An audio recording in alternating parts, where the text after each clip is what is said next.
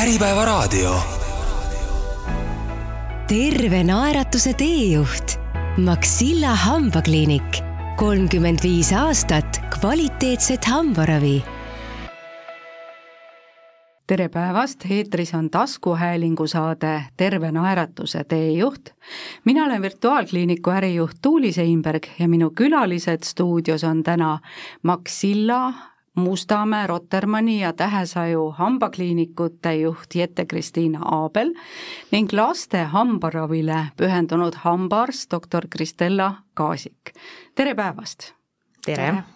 saatesarja esimeses saates räägime me laste hammaste ja suu tervisest, sest see on üks oluline periood inimese elus, kus pannakse alus siis ülejäänud elu tegelikult äh, tervisele ja kui seal midagi valesti teha, siis hiljem on vigu juba üsna kulukas ja vastik lappida. nii et pühendume sellele ja räägime natukene ka kliinikust endast. esmalt äh, Maxilla kliinik millal see kliinik asutati ja kust tuli selline vahva nimi, et Maxilla on ju ülemine lõualuu, kui ma ei eksi? just, Maxilla ongi ladinakeelne sõna, mis, mis tähendab siis ülalõualuud et eks see otsene seos ju, ju valitud valdkonnaga on ka ja eks see, eks see nimi sealt ka tuli, et Maxilla hambakliinikute kett on üks pikemaajalise kogemusega hambaravisid Eestis. Neljateistkümnendal veebruaril täitub juba kolmkümmend viis tegutsemisaastat. ehk siis, et päris pikk aeg, mille jooksul on, on ravitud ja, ja aidatud väga paljusid inimesi ja, ja võidetud väga paljude Eesti inimeste südamed ja, ja usaldus ja ütleks veel nii palju, mis väärib mainimist, et, et Maxilla on pereettevõte mis põhineb täielikult Eesti erakapitalil ja alguse sai ta siis armsast Eesti väikelinnast Elvast, kus siis alustati ühe kabinetiga. Täna, kolmkümmend viis aastat hiljem on, on Maxillal üle Eesti juba kuus kliinikut, viiskümmend ravikabinetti ja ligikaudu sada kaheksakümmend töötajat. pika ja armsa ajalooga asi väga tore on see ka, et mainisid, et neljateistkümnendal veebruaril täitub kolmkümmend viis aastat, et see on just sõbrapäeva paiku, et kaudselt võiks öelda, et siis sõbrapäeval kõik saavad kenasti sõpradele naeratada tänu sellele, et hambad on ravitud ja naeratus on korras. Just, selliselt see kokku langeb jah, et et parim kingitus tegelikult alati igaks tähtpäevaks ongi, ongi naeratus minu meelest aga kliinikutest veel korraks lähemalt, et kus need asuvad? kliinikuid on kokku kuus, nagu ma eelnevalt mainisin, kaks nendest asuvad Lõuna-Eestis, üks siis Elvas kolme ravikabinetiga, üks Tartus üheksa ravikabinetiga ja neli kliinikut asuvad siis Tallinnas, üks kesklinnas, üks Rotermannis, Lasnamäel Tähesaju piirkonnas ja Mustamäel aga kui teil on nii palju kliinikuid, nii palju erinevaid asukohti, siis mis teid seob, mis muudab selle kõik selliseks ainulaadseks ja eriliseks, et kõik inimesed kõikides kliinikutes teavad, et nemad on Maxilla no eks Maxilla ongi juba tänu pikale ajaloole ka üsna tugev äh, bränd, et äh, mitte ainult äh, patsientide seas, vaid tegelikult ka meditsiinipersonali seas, et et me oleme orienteeritud ikkagi kõrgele kvaliteedile, kaasaegse kvaliteetse ravi pakkumisele, aga me ikkagi üritame alati seda kombineerida ka sellise hästi hea klienditeeninduskogemuse pakkumisega, et äh, et see on sellise kahe asja kombinatsioon, mis, mis on hästi oluline meditsiiniliste protseduuride läbiviimisel, et üks asi on muidugi kõrge meditsiiniline tase ja, ja teine asi on see, see tunne, mis inimene saab, kui ta meie juures käib täpselt samamoodi, kui vaadata nüüd personali vaatest, siis meie jaoks ongi hästi oluline personali koolitamine, et teadmised oleksid viimasel tasemel ja, ja, ja head nii-öelda teoreetilised teadmised ja head kliinilised oskused ja nii edasi, et, et sellele me kindlasti hästi palju rõhku paneme ja seda me hästi palju enda ettevõttes ka toetame patsientide vaatest võib-olla veel üks mainimist väärt asi on äh, see, et väga paljudele inimestele endiselt kahjuks on jäänud äh, nii-öelda iganenud arusaamad hambaravist ja selline hambaravi hirm, et kindlasti hambaravi on hästi valus ja hästi ebameeldiv, et äh, üritame ikka Eesti inimestele tõestada, et see ei pea nii olema, et et saab täitsa valu ja, ja hirmuvabalt, et meie kliinikute arstid on õrna käega, arvestavad inimeste eripärasid ja proovime anda endast maksimumi, et seda, seda hirmu nii-öelda inimestest välja juurida. Enne kui me läheme nüüd spetsiifilisemalt laste teema juurde, ma küsin ka seda, et mis teenuseid üldse veel pakutakse, et hambaravi ei ole ammu enam ju see, et on kuskil hambaauk, see parandatakse ära ja sellega on kõik. vaid hambakliinikus toimub väga palju muid asju ja väga põnevaid asju, mida spetsialistid suudavad jälgida ja tuvastada. mis teil seal paketis on veel? jaa, absoluutselt, et äh, valdkond on äh, väga lai ja Maxillas tegelikult on äh, kõiki protseduure võimalik läbida, et pakume alates profülaktilistest teenustest kuni väga keeruliste kirurgiliste üle suu töödeni välja. Sinna vahele jäävad paradontoloogia ehk igemehaigused, ortodontia, hambumuse anomaaliate korrigeerimine, proteesimine, see ei ole siis mitte ainult nii-öelda klassikalised proteesid ehk ärakäidavad proteesid, vaid ka sellised fikseeritud jäävad lahendused nagu kroonid, laminaadid, et kui kellelgi on soov oma äh, naeratust, äh, nii-öelda naeratuse esteetikat äh, paremaks muuta, et kõik need võimalused on Maxillas olemas, et samuti lihtsamad protseduurid nagu hammaste valgendamine, soodapesu, mida tegelikult ju võiksid kõik inimesed äh, vähemalt äh, korra, kui mitte kaks aastas äh, teha, et just ennetada neid tõsisemaid probleeme ja tõsisemaid hambahaiguseid. Et Maxilla jah, ongi ikkagi terve pere hambakliinik, ehk siis et meie ootame enda juurde kõiki, väikseid-suuri, juunioritest seenioriteni välja proovime leida parimad äh, lahendused äh, absoluutselt kõikidele probleemidele. ja kindlasti mainin seda ka, et, et suurema nii-öelda hambakliiniku eelised ongi see hea katvus, et kõik need erinevad protseduurid on võimalik läbida, kui mitte ühes kliinikus, siis vähemalt ühes ettevõttes, kus see info liikumine on, on efektiivne ja vahetu ja patsiendi jaoks hästi mugav, et, et hästi palju on ju seda kliinikusisesest spetsialistide vahelist suunamist. et, et nii-öelda see kõige täiuslikum lahendus inimesele leida ehk et patsient ei pea röntgenpildiga ise käima ühest kliinikust ja, ja ühest hoonest teise, vaid et kõik see info vähemalt saadetakse automaatselt edasi ja patsient saab juba järgmise spetsialisti juures äh, enda raviga edasi minna just, täpselt, ja, ja kindlasti on ka see, et et hoolimata sellest, et äh, kliinikud äh, asuvad erinevates asukohtades, siis meie nagu arstid ja, ja üldse personal on ikkagi omavahel äh, tihedas suhtluses ja patsientidele kõige parema teenuse pakkumiseks ikkagi omavahel väga palju suheldakse, arutatakse ja ja, ja leitakse neid parimaid lahendusi mainisid, et tegu on kogu pere kliinikuga ja alustame siis pere kõige pisimatest ehk siis lastest. nagu Jette ka ütles, et tegelikult vanem põlvkond tihtipeale kardab hambaarsti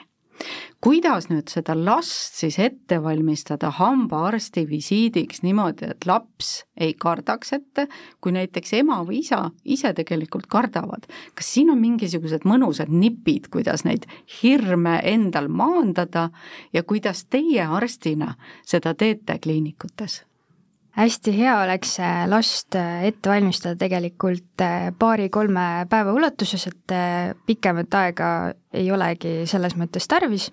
Ja heaks variandiks oleks siinkohal vaadata näiteks videoid koos lapsega, et head on suukooli videod, samuti võib mängida koos lapsega näiteks arvutimänge, kus siis tehakse läbi hambaravi äh, siis äh, lapsele on väga hea mänguliselt seletada, et milline see külastus tal üldse hakkab äh, välja nägema. Ja väga oluline on teada, et lapsed on justkui väikesed valedetektorid, ehk siis neil ei tasu kindlasti kuidagi valetada selle protseduuri kohta, et pigem oleks hea vältida selliseid sõnu nagu, et äh, ei ole valus, ei ole jube, sellepärast et laps isegi alguses äh, ei tea, et midagi võib olla seal valus või jube, ehk siis vanemad tihtipeale võivad hakata ise lapsele sisendama, et, et nii on, et, et seal on midagi jubedat või valusat ja siis veel see, et võib ka öelda, et hambaarst, kelle juures nad käivad, et see hambaarst käib samuti hambaarsti juures, et kõik käivad hambaarsti juures ja see on täiesti tavaline, tavaline protsess kas kasu oleks ka sellest, kui äh, vanem võtab lapse enda visiidile näiteks eelnevalt kaasa? eriti kui on selline nagu mahevisiit, et midagi jubedat ei toimu, laps näeb, et mis seal juhtub või, või seda te ei soovita no ma siin sekkun ja ütlen, et äh, pigem ei soovita sellisel viisil seda teha, et äh, laste harjutamiseks ikkagi parim viis on, on selleks planeerida eraldi vastuvõtt äh, hambaarsti juurde, kes,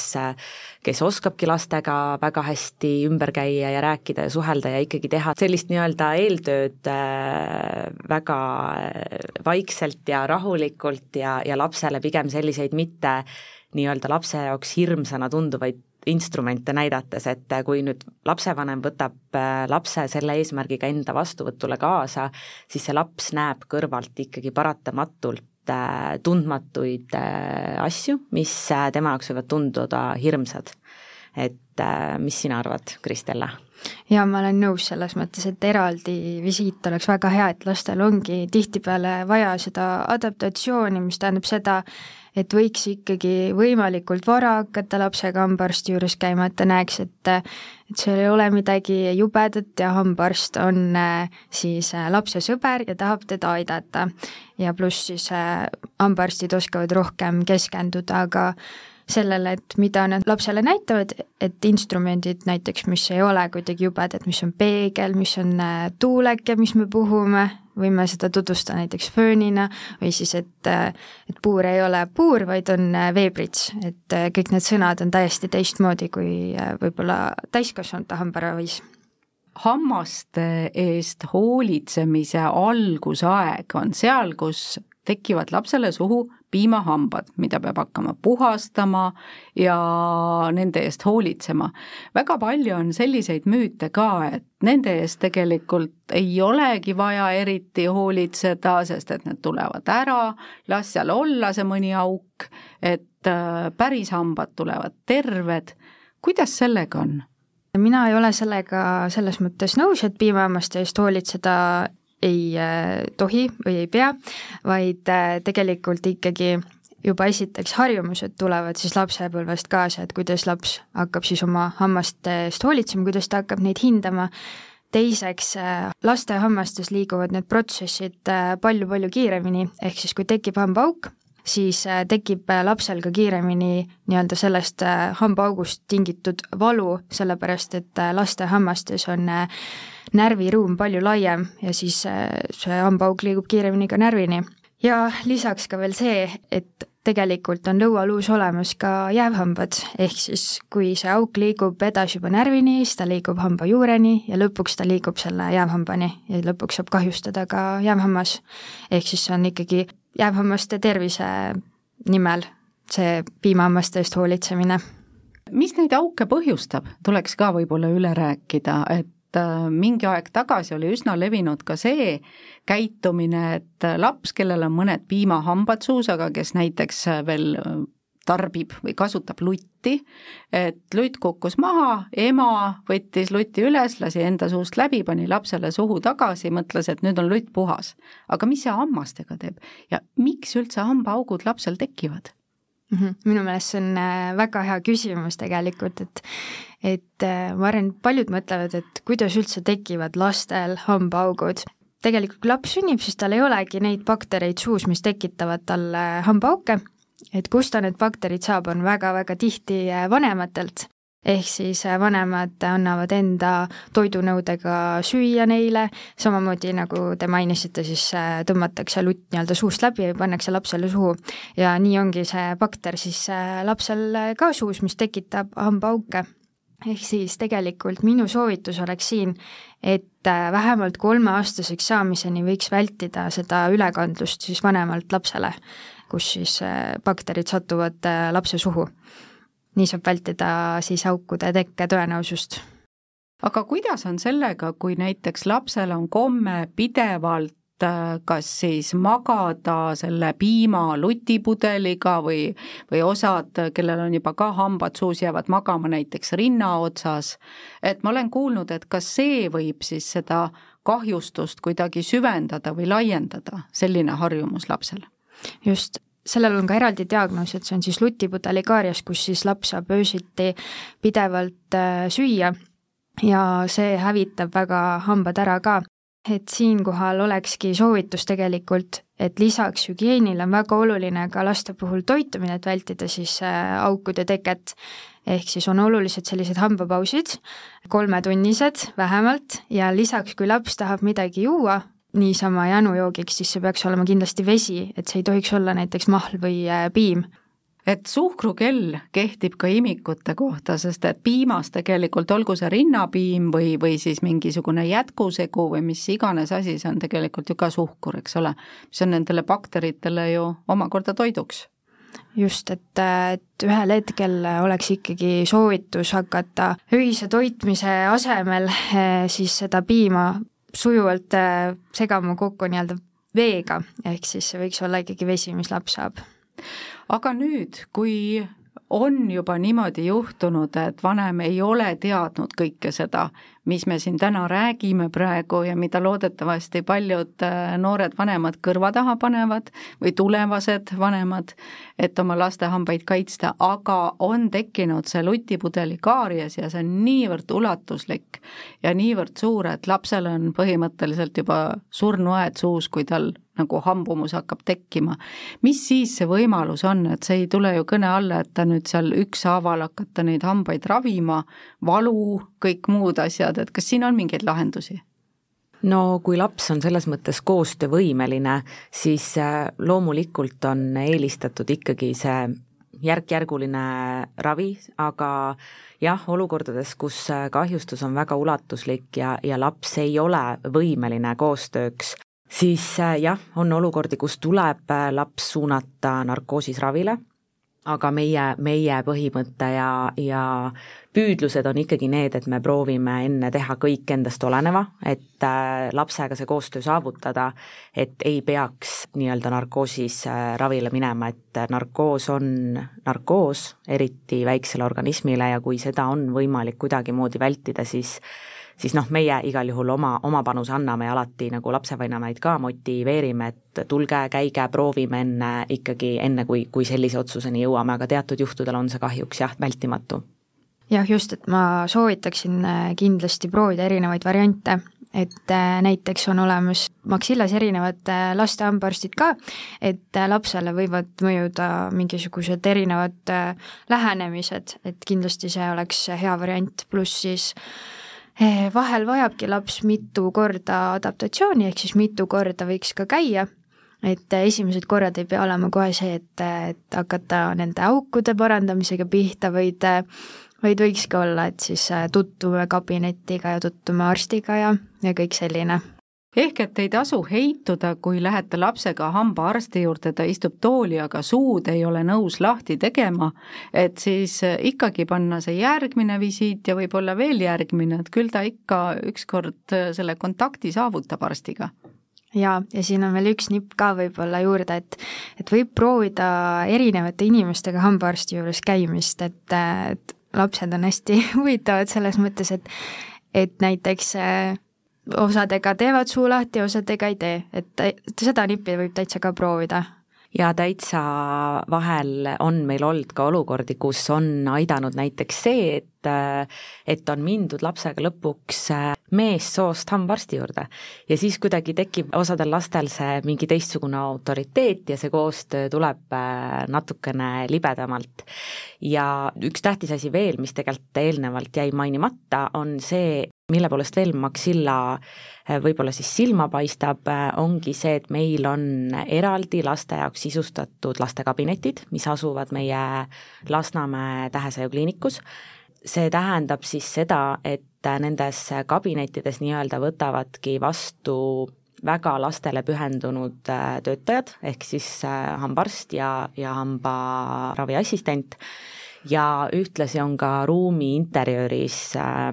lähtutud eelkõige sellest, et lapsel oleks seal mänguline, tore,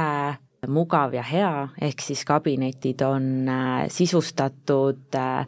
lastele tuttavate tegelastega, seal on seinas värvilised äh, pildid multifilmi tegelastest, on olemas igasugused nii-öelda väiksed maskotid meil, nii-öelda kaisukad, kellel siis laps saab seal suure hambaharjaga hambaid pesta ja, ja nii edasi, et, et proovime hästi mänguliseks ja hästi lapse jaoks hästi nagu positiivseks selle kogemuse luua seda on küll hea teada, et äh, selline tavaline valge steriilne hambaravikabinet võib äh, küll selline võõrastav kogemus olla, aga kui on selline lapsesõbralik mängutuba, siis ma usun, et äh, lapsed leebuvad kiiremini. aga nüüd, et neid koledaid probleeme ei tekiks, ongi siis esimene samm see hammaste eest hoolitsemise õpetamine lapsele. et mis on sinu kui hambaarsti soovitused siin lapsevanematele, kuidas seda teha õigesti, kuidas jälgida, millal usaldada see tervenisti lapsehoolde ja, ja millal mingit uut asja tutvustada, ma ei tea, niiditamist, hambavahede puhastamist, suu loputamist, mida iganes mm. -hmm. et äh, last äh, saab õpetada hambaid hästi pesema, näiteks kui pesta temaga koos hambaid ja samuti äh, nagu Jette varasemalt mainis, siis meil on Maxillas lastekabinetis siis nukukesed ka, kellel on siis hambad suus ja kelle peal siis laps saab õppida hammaste pesemist samuti on hea variant ka see, et äh, apteegis saab osta katuindikaatortabletid, mis siis värvivad hambad ära ja näitavad hästi, et kus see hammas, äh, hambad lapsel mustad on, et siis laps näeb reaalselt ära ka, et kus need nii-öelda kollid tal hambal asuvad. ja millal võiks usaldada lapsele siis hambapesu, see võiks olla umbes, kui ta on kaheksa-aastane. Et mitte varem, kuna selle tõttu, et siis pole lapsel seda manuaalset võimekust veel nii hästi hambaid pesta. ja lisaks hea variant vanematel lastel on ka see, et võib teha sellist äh, kvaliteedikontrolli, et äh, laps näitab ette, kas on hambad äh, pestud ja siis vanem vaatab üle ja vajadusel suunab tagasi siis hambaid pesema nii kaua, kuni on hambad ära pestud korralikult. niiditamine on tegelikult väga-väga vajalik, et seda võiks alustada nii vara kui vähegi võimalik et siis, kui juba hammastel on omavahel kontakt. Ja seda võiks alustada näiteks äh, niidiga, mis on äh, pulga otsas, et see on äh, oluliselt kergem kasutada. Et jah, et inimesed kuidagi suhtuvad väga iseenesestmõistetavalt sellesse hambapesusse, et öeldakse ju ka, et ah, see on sama elementaarne nagu hambapesu, aga asi ongi selles, et elu on näidanud, et hambapesu oskused ei ole tegelikult elementaarsed et hästi palju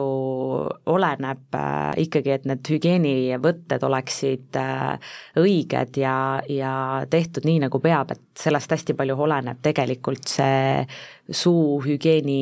kvaliteet nii-öelda. probleemide poole peale minnes, et mis need sagedasemad probleemid on, me rääkisime siin juba sellest lutipudeli kaariesest, aga laps areneb väga kiiresti ja tema kogu see lõualuu ehk siis maxilla areneb lapsel ka väga kiiresti, et äh, siin on ka erinevaid selliseid igemeprobleeme, lõualuude arenguga seotud probleeme, igasuguseid teemasid, mida võib-olla lapsevanem ei oskagi jälgida. aga käime korraks põgusalt üle, et mis on probleemid ja mis nendega teha siis sagedastemaks probleemideks saabki äh, nimetada näiteks siis äh, hambakaarjast, nagu me just arutasime, siis äh, näiteks halba hügieeni, toitumise harjumusi kindlasti tuleks silmas pidada. Ja eriti salakavalad on lastel hambaaugud, mis on kahe hamba vahel, kuna seda palja silmaga ei pruugi tegelikult märgatagi ja lisaks on ka siis see puhastamise aspekt, et lapsed äh, ju tihti ei niidita, ehk siis hammaste vahele koguneb äh, toiduosakesi. kas seda peaks vanem ise jälgima näiteks äh, teatud ajal, et vaatab lapse suu üle, et siin ei ole mingit sellist nähtavat auku või mingit sellist asja, või on siin ikkagi mingisugune selline välb, mille tagant peaks käima siis lapsega hambaarsti juures kontrollis? Just, et, et kuna neid hammastevahelisi auke on väga-väga keeruline märgata just eelkõige, siis ma arvan, et kontrollis oleks hea käia nii, nagu hambaarst soovitab, et vastavalt siis riskile, kui suure tõenäosusega lapsel hambaaugud tekivad et see võiks olla iga kahe kuni kuue kuu tagant, aga kindlasti kaks korda aastas. sellepärast, et äh, pisikestes hammastes liiguvad need protsessid äh, palju kiiremini ja kui kohe jälile saada, siis saab protsessi ka peatada nüüd lisaks sellele kaariesele, mis on veel need äh, võimalikud probleemid, mis lapse hambumusega või hammaste või igemetega võivad tekkida? Näiteks äh, juba väikestel lastel võib olla hambakivi, mida tuleb siis hakata eemaldama siis, kui laps on äh, koostöövalmis. Äh, lisaks, kui on kaarias, siis see liigub aina edasi, hammas võib minna põletikku, ehk siis lapsel võib tekkida hambavalu, võib tekkida nii-öelda närvipõletik, hakkab kurtma öist valu samuti lapsel võib olla ka valu söömisel või külmatundlikkus ja kui hammas on saanud mingisuguse trauma, siis võib tulla sellest hamba värvimuutus. lõualuu arengu poole pealt, et mis seal on need sellised olulised teetähised, mida peaks vanem teadma, kas lapsel kõik areneb plaanipäraselt või mitte, sest et teil Maxillas on laste hambaarstid, ma usun, et te oskate juba ka selle pilguga vaadata last, aga kui laps on käinud näiteks mingi tavalise hambaarsti juures, siis tihtipeale on niimoodi, et vaadatakse üle, auku pole, nii, kõik ja mingid muud probleemid, mida võib-olla saaks juba hakata vaikselt niimoodi suunama kuhugi poole, jäävad märkamata. kuidas sellega on? Jaa, et äh, tegelikult äh, laste lõualuude arengut ja hambumus saab juba üsna varakult äh, hakata mõjutama ja on levinud selline arusaam, et tuleks ära oodata jäävhambad ja siis hakata hambumusega tegelema ortodondi juures. aga tegelikult oleks hea alustada nii vara kui võimalik, et siis, kui äh, laps on äh, koostöö valmis, et siis juba hakata seda hambumust suunama, sest et äh, nooremas vanuses lõualuud liiguvad kergesti. pluss siis tuleb tegeleda harjumustega ka, ehk siis kui näiteks ortodontilise raviga hambumus suunatakse nii-öelda ilusaks, esteetiliseks, siis tegelikult need harjumused ei ole välja juuritud, ehk siis lapsel on veel valed harjumused äh, alles ja müofunktsionaalsed probleemid. ehk siis lapsevanem saab tegelikult palju ära teha, näiteks mitte anda liiga kaua lutti või lutipudelit ja üks asi on veel, et saab anda lapsele tugevat toitu, et siis alalõug hakkaks heas vahekorras ülalõuaga arenema ja samuti tuleks jälgida, et laps hingaks ilusti äh, nina kaudu, vajadusel minna kõrva-nina-kurguarsti juurde, et äh, välistada siis äh, nina hingamise takistus. et, et see just see nina hingamine võib-olla olekski üks asi, mis paneksin lastevanematele südamele, et seda jälgida, et oleks nina hingamine nii magades kui, kui ka päeval mm. -hmm. ehk siis, kui laps hingab suu lahti, siis see on märk sellest, et midagi on viltu juba. just, ja siin on juba järgnevad küsimused, et äh, keelel on vale asend, ehk siis äh, keele õige asend on siis suulaes. Suulagi on ühtlasi ka ninapõhi, sealt tulenevalt areneb ka hingamistee, ehk siis siin on kõik seotud, nii hingamine kui ka keeleasend, kui äh, hambakaarte areng, et äh, kõik on tegelikult äh, selles mõttes seotud toitumisest ma täpsustan, et kas sa mõtlesid siin seda, et lapsele võiks anda näiteks porgandit, õuna, midagi sellist, mida saab närida niimoodi tugevalt? Just, et tegelikult soovitataksegi äh, siis nii vara kui võimalik anda lapsele juba tugevat toitu, ehk siis hakkaksid äh, arenema äh, lõualihased ja kõik, kõik, mis on näo, näopiirkonnas siis vaja treenida hambumusest, et mis hambumuse puhul need probleemid on, mis tekivad, kui, kui siin nüüd midagi viltu on, et ongi see ikkagi suu hingamine, lõualuud on nõrgad, mida vanem esmalt võiks jälgida ja mis on need suuremad probleemid? mina soovitaks kindlasti lapsevanemal kõigepealt lasta lapsel hambad kokku hammustada ja vaadata, kuidas laps kokku hammustab. et näiteks võib olla lapsel sügav hambumus, mis tähendab seda, et ülemised hambad katavad alumisi täielikult, et alumisi ei ole näha, et normaalsus on see, et üks kolmandik katab tegelikult. Siis võib olla ka lahihambumus, eh, kus siis eh, kokkuhammustamisel eh, ülemised ja alumised eeshambad ei puutu üldse kokku ja ka risthambumus, mis tähendab seda, et osad alumised hambad on väljaspool ülemisi, et tegelikult peaks olema siis vastupidi. ja võib-olla ka kolmanda klassi hambumus, mis on siis niimoodi, et alalõug on eespool üldse ülemisest ülalõuast, et, et kõike seda tegelikult jälgida et äh, silma torkab ilmselt kõige rohkem lihtsalt see, kui lapsel on hambad nii-öelda puseriti, aga just see lõualuu asetus, et see on väga huvitav tegelikult jälgida ja teada.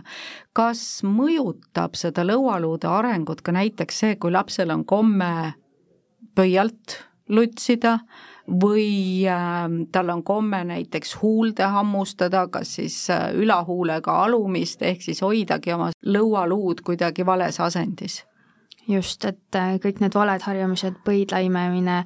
äh, luti pikaaegne imemine, kõik, kõik see mõjutab lõpuks hambumust.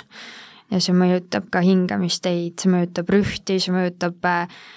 liigeseid, lihaseid, et kõik on selles mõttes omavahel seotud aga nüüd nendest suu ümbruse ja, ja näolihaste, lõua, lõualuudega seotud lihastega seotud häired, neid ma saan aru, et nimetatakse sellise keerulise võõrsõnaga nagu müofunktsionaalsed häired mida need endast kujutavad, kas need on osaliselt siis, nagu ma saan aru, seotud kõige sellega, mis me siin eelnevalt rääkisime? jah, pluss siis näiteks ongi äh, kolm äh, põhiasja võib-olla, mida ma nimetaks, et äh, vale keeleasend, kus siis näiteks lapsel on siis keel hammaste vahele pressitud, siis harjumus hingata suu kaudu ja siis vale neelamistüüp, et näiteks kui laps neelab niimoodi, et keel läheb hammaste vahele aga mida te siis teete, et laps tuleb hambaarsti juurde, augud on kõik parandatud või, või neid ei olegi, te vaatate, et tal tõepoolest ongi see müofunktsionaalne häire. kas see on nüüd selline asi, mida te saate ühe-kahe-kolme visiidiga ära parandada või see tähendab seda, et ka lapsevanem peab lapsega kodus edasi tööd tegema, siis ta tuleb tagasi teie juurde sinna kliinikusse, te vaatate üle, kuhu on jõutud ja annate uued ülesanded jah, tegelikult äh, on vaja kindlasti teha koduseid harjutusi, et selles mõttes on äh, selline ikkagi korralik kodutöö, et neid harjutusi siis kodus teha, pluss äh, minu nägemuse pidi on see ikkagi hästi suur koostöö, et siin on esiteks oluline üldse probleemi märgata, et kes seda probleemi märkab, et kas see on hambaarst, kas see on perearst, kas see on logopeed, et keegi võiks seda probleemi märgata ja siis edasi juba kõikide nende spetsialistide vahel seda koostööd nii-öelda arendada. Ja lisaks ka siis see kõrva-nina-kurguarst, kes siis vaatab nina hingamise takistuse üle nüüd, kui lapsevanem ise märkab seda probleemi, ma küsin veel ühe täpsustava küsimuse, siis kas ta võib minna tavalise hambaarsti juurde või näiteks Maxillas tulekski vaadata, et kes on see müofunktsionaalsele teraapiale spetsialiseerunud arst? ma arvan, et kõige rohkem võib-olla olekski hea minna laste hambaarsti juurde, sest nemad just oskavad kõige varasemalt seda välja nii-öelda otsida, et on mingisugune Äh, probleem või harjumus, mis tuleks korrigeerida. ja siis suunavad juba vajadusel edasi? just, et varasemalt, nagu mainisin, siis on hästi, hästi suur koostöö, et, et ikkagi spetsialistide vahel üks asi, mida sa mainisid, üks spetsialist, õigemini logopeed, kas see tähendab, et sellistel lastel võib olla ka tegelikult mingeid logopeedilisi probleeme, näiteks mingi hääliku väljahääldamise raskus või keerukus, nii et võib-olla ka teistpidi, et logopeed suunab hoopis selle müofunktsionaalse terapeudi juurde.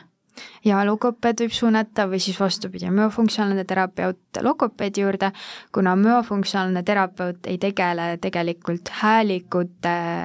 nii-öelda väljahääldamisega või õpetamisega, kuidas laps saab neid hääldada, et sellega tegeleb ikkagi äh, logopeed, ehk siis see on ka selline nii-öelda omavaheline kontakt ja koostöö? vanusevahemikest natukene, et mis on see kõige parem nii-öelda vanuseaken, kus selliste häirete puhul sekkumine annab maksimaalselt head tulemused? nii vara kui võimalik tegelikult, et näiteks isegi öeldakse, et kui äh, beebi sööb ära, siis tuleb beebil näiteks suu panna kokku, et, äh, et näiteks juba saab siis alustada. aga nüüd, kui küsida harjutuste kohta, siis äh, ma arvan, et kõige parem vanus on siis, kui lapsel on umbes niimoodi vahelduv hammaskond, ehk siis on suus nii piima kui ka jäävhambad, ehk siis selliste lastega saab juba läbirääkimisi pidada ja nendega arutada, et miks see on oluline, mis me teeme, et siis ei ole lihtsalt selline kohustus äh, nende jaoks, vaid nad saavad juba ka aru. lisaks on see hea vanus, et äh, lõualuud hästi kergesti liiguvad neil. enne jäi vastamata võtta üks päris äh, tähtis küsimus, et äh, kindlasti, äh, kui me räägime nüüd müofunktsionaalsest teraapiast, siis paari vastuvõtuga neid probleeme ei ole võimalik reeglina lahendada, et see ravi on ikkagi pikaajalisem, tavaliselt poolteist kuni kaks aastat isegi võib öelda, ja see on tegelikult äh, kombineeritud ravi, äh, ehk siis äh, seal tuleb kanda spetsiaalseid kapesid lapsel. Kristella saab kohe lähemalt rääkida, kuidas see täpsemalt sisuliselt toimub ja, ja see kapperavi on nii-öelda kombineeritud ikkagi siis nende spetsialisti poolt ette antud harjutuste tegemisega. kuidas see kapperavi siis käib? jah, et mina tegelen siis nii-öelda müofunktsionaalse raviga, mis toimub äh, läbi kappede. see kestab siis jah, poolteist kuni kaks aastat ja selle ajavahemiku äh, kestel siis lapsel on kolm kuni äh, neli kapet, mida ta peab kandma öösel ja siis päeval tund aega ning lisaks harjutused, kus siis just keskendumegi sellele, et keelel oleks õige asend, et laps hingaks ilusti nina kaudu, et laps neelaks õigesti. aga kui nüüd mõni lapsevanem, kes meid kuulas, äh, avastab enda last jälgides, et oi, et tundub, et tal on mingi taoline probleem, aga laps on juba saanud kümme, üksteist, kaksteist, kolmteist ja, ja see algusaeg on maha magatud. kas siis tasub ikkagi tulla spetsialisti juurde ja mingisugune ühine lahendus leida? Jaa, muidugi, et äh, tegelikult ka täiskasvanutel on müofunktsionaalne teraapia nii-öelda siinkohal mainitav, sellepärast et äh, kui teha lihtsalt ortodontilist ravi, siis äh, lõpuks tuleb see tagasilangemine, kui ei ole harjumused korrigeeritud, näiteks kui keel on ikkagi madalas asendis, on hammaste vahel, mis iganes, et tegelikult see on igas vanuses oluline ja see peaks olema siis nii-öelda koostöös, et nii ortodontia kui ka siis müofunktsionaalne teraapia seda on hea teada, et siis äh, ei ole kunagi hilja alustada siiski. et kui teadmised on olnud seni napid või ei ole satutud õige spetsialisti juurde või ei ole inimene teadnudki, et sellised probleemid on olemas ja teiseks, et nendele probleemidele on ka vastavad spetsialistid ja lahendused olemas. võtame nüüd need teemad kokku, et äh, mis oleks kõige paremad ja kõige olulisemad soovitused nüüd lapsevanematele erinevates siis laste eluea etappides, võtame kõigepealt üks kuni kolm või null kuni kolm eluaastat näiteks? nii, alustaks võib-olla sellest, et äh, kindlasti tulla hambaarstile nii vara kui võimalik, isegi siis, kui on võib-olla üks hammas suus, et juba siis võib tulla. et see ongi selline Äh, ennetuslik äh, visiit, kus äh, peamiselt räägitakse lapsevanemaga. et siis võib juba mainida seda toitumist, et oleksid hambapausid, et lutti tuleks õigel ajal hakata võõrutama, et tuleks anda siis tugevat toitu võimalikult vara nüüd järgmine vanuseaste, võtame kolm kuni kuus, laps lõpetab lasteaia, mida siis jälgida? Jah, et äh, siis äh, võiks juba tegelikult ka varasemas vanuseklassis võiks hakata jälgima seda, kas laps hingab ilusti nina kaudu, kuidas äh, laps neelab, kas, kas on keel hammaste vahel, siis kindlasti selles vanuseklassis ei tohiks veel usaldada last täielikult ise hambaid pesema, sellepärast et tal ei ole veel seda võimekust, et tegelikult võiks ikkagi lapsevanemad ilusti hambad ära pesta või üle pesta. siis äh, kindlasti toidupausid jällegi kolm tundi, janujoogiks võiks olla vesi, ehk siis kõik muud joogid äh, toidu kõrvale, ka piim ja mahl. ja algklassid, võtame siis ütleme neljanda klassini näiteks, et kus on selline sümboolne üleminek ka mm. -hmm. no siin on samamoodi tegelikult, et, et lihtsalt seda eh, snäkkimist vaadata, et iga kolme tunni tagant, et oleks sellised pausid ikkagi alati, eh, ilusti kaks korda päevas hambaid pesta, siin juba laps hakkab vaikselt õppima, kuidas ise pesta ja muidugi noh, siin võiks juba niiditamine olla vägagi päevakorras, et et nüüd juba ka iseseisvalt, et õppida seda korralikult eh, siis tegema ja võib-olla ma lisaks, et üks asi, mis kehtib kõikide nende vanusegruppide kohta, on ikkagi see regulaarne kontrollis käimine. lapsele selle harjumuse tekitamine, et äh, siinkohal tahangi lapsevanemaid julgustada, et äh, Maxilla hambakliinikud on Tervisekassa lepingupartnerid, mis tähendab seda, et kõigile alla üheksateistaastastele ravikindlustatud isikutele on meie juures ravi äh, nii-öelda tasuta, et Tervisekassa rahastusel ja lapsevanemal tuleb tasuda ainult visiiditasu viis eurot ja samuti ma tahaks veel äh, julgustada ikkagi kõiki lapsevanemaid, äh, tulge oma lastega hambaarstile, et ei ole vaja tunda piinlikkust, et miks ei ole nii kaua käidud või, või mis iganes, et neid põhjuseid on erinevaid. et kuna see laste hambaravi on äh, ilmselt kättesaadavam kõigile just tänu sellele Tervisekassa panusele, siis, siis kutsume ja ootame väga-väga kõiki lapsi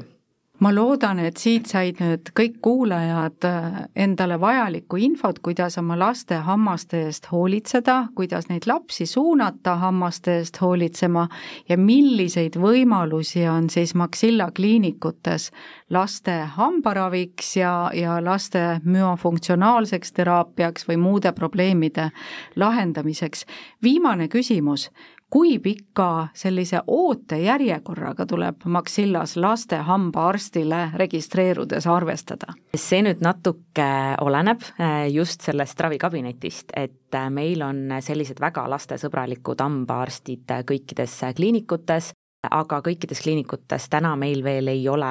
lastele nii-öelda spetsiaalselt sisustatud kabinetti, et need on hetkel kaks kabinetti meil Tähesaju kliinikus sinna on need ootejärjekorrad kindlasti äh, tsipa pikemad, et et, et need kabinetid on osutunud väga populaarseteks ja ilmselgelt hea põhjusega,